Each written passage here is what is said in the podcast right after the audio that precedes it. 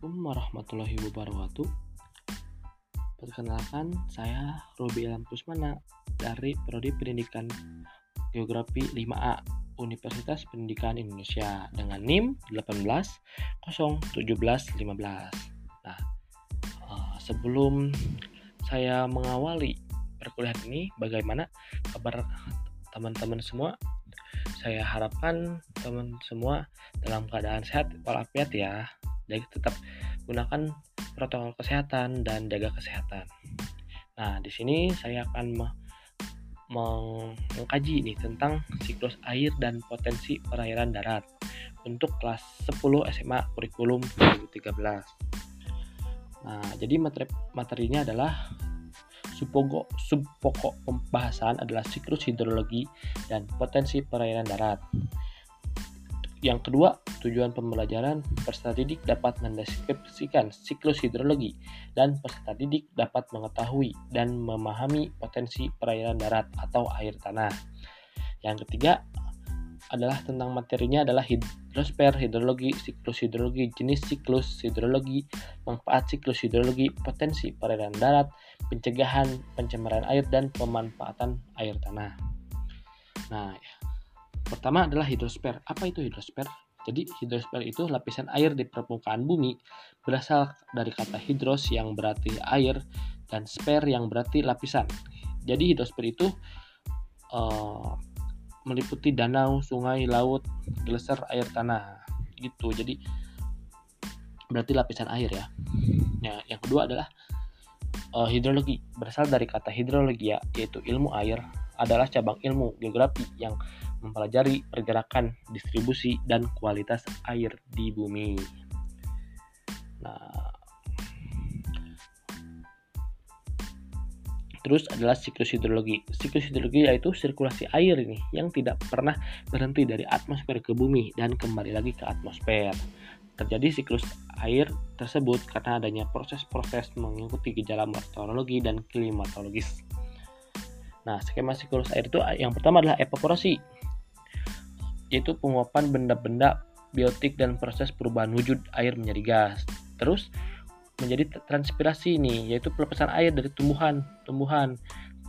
Terus uh, adalah proses gabungan evaporasi dan transpirasi yang lalu ada kondensasi proses perubahan wujud uap air menjadi air akibat pendinginan.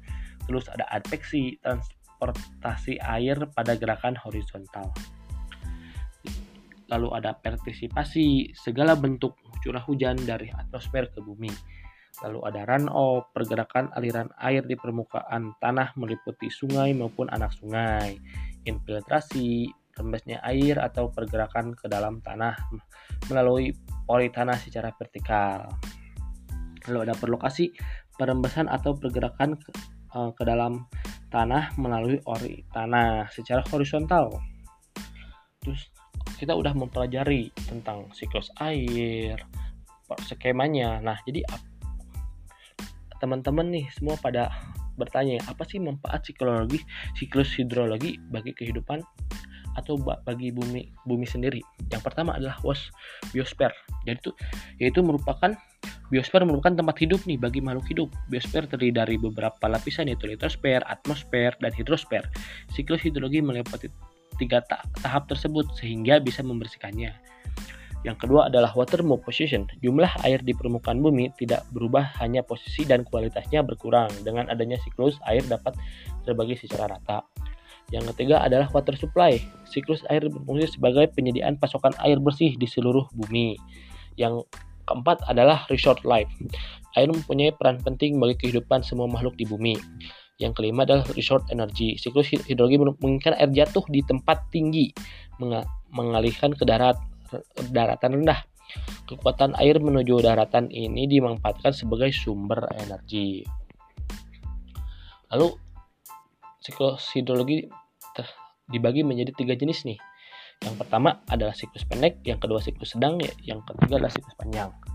Nih, yang siklus pendek itu terdiri dari radiasi matahari menyebabkan air laut mengalami penguapan, terjadi kondensasi dan membentuk titik air yang disebut awannya tuh di laut di mana di sekitar pantai. Jadi intinya adalah hujannya di sekitar laut, di laut maupun di sekitar pantai. Itu siklus pendek. Yang kedua adalah siklus sedang. Air laut itu mengalami penguapan kemudian membentuk awan dan tertiup angin ke daratan dan terjadi turun hujan di daratan. Yang ketiga adalah siklus panjang.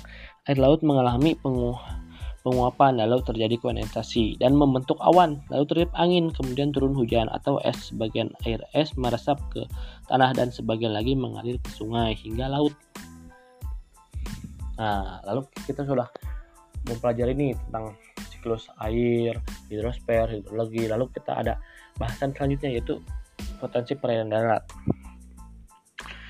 Potensi perairan adalah air tanah adalah yang terdapat di permukaan tanah yang divegetasi oleh satu atau dua lapisan batuan atau tanah yang kedap air lebih dari 98%. Air yang terdapat di daratan adalah air tanah. Nah, cara pencegah mencegah pencemaran air adalah jangan pertama jangan membuang limbah atau sampah ke sungai maupun danau nih. Yang kedua, kurangi penggunaan deterjen, yang ketiga adalah setiap rumah diharapkan memiliki septic tank yang baik. Nah, kenapa harus ada septic tank? Karena dengan septic tank yang baik kita uh, pengolahan uh, kotoran tersebut bisa lebih efisien sehingga meminimalisir kotoran uh, terjadi ke laut pembuangannya gitu. Yang kedua adalah pemompat. Yang terakhir pemanfaatan air tanah yaitu sebagai sumber energi yang sarana transportasi dan subjek air sumber air dan objek wisata. Sekian dari saya, mohon tentang siklus hidrologi dan potensi perairan darat untuk materi kelas 10 SMA kurikulum 2013. Mohon maaf apabila ada kekurangan uh, karena kesempurnaan berasal dari Tuhan yang Maha Esa. Saya izin pamit. Terima kasih.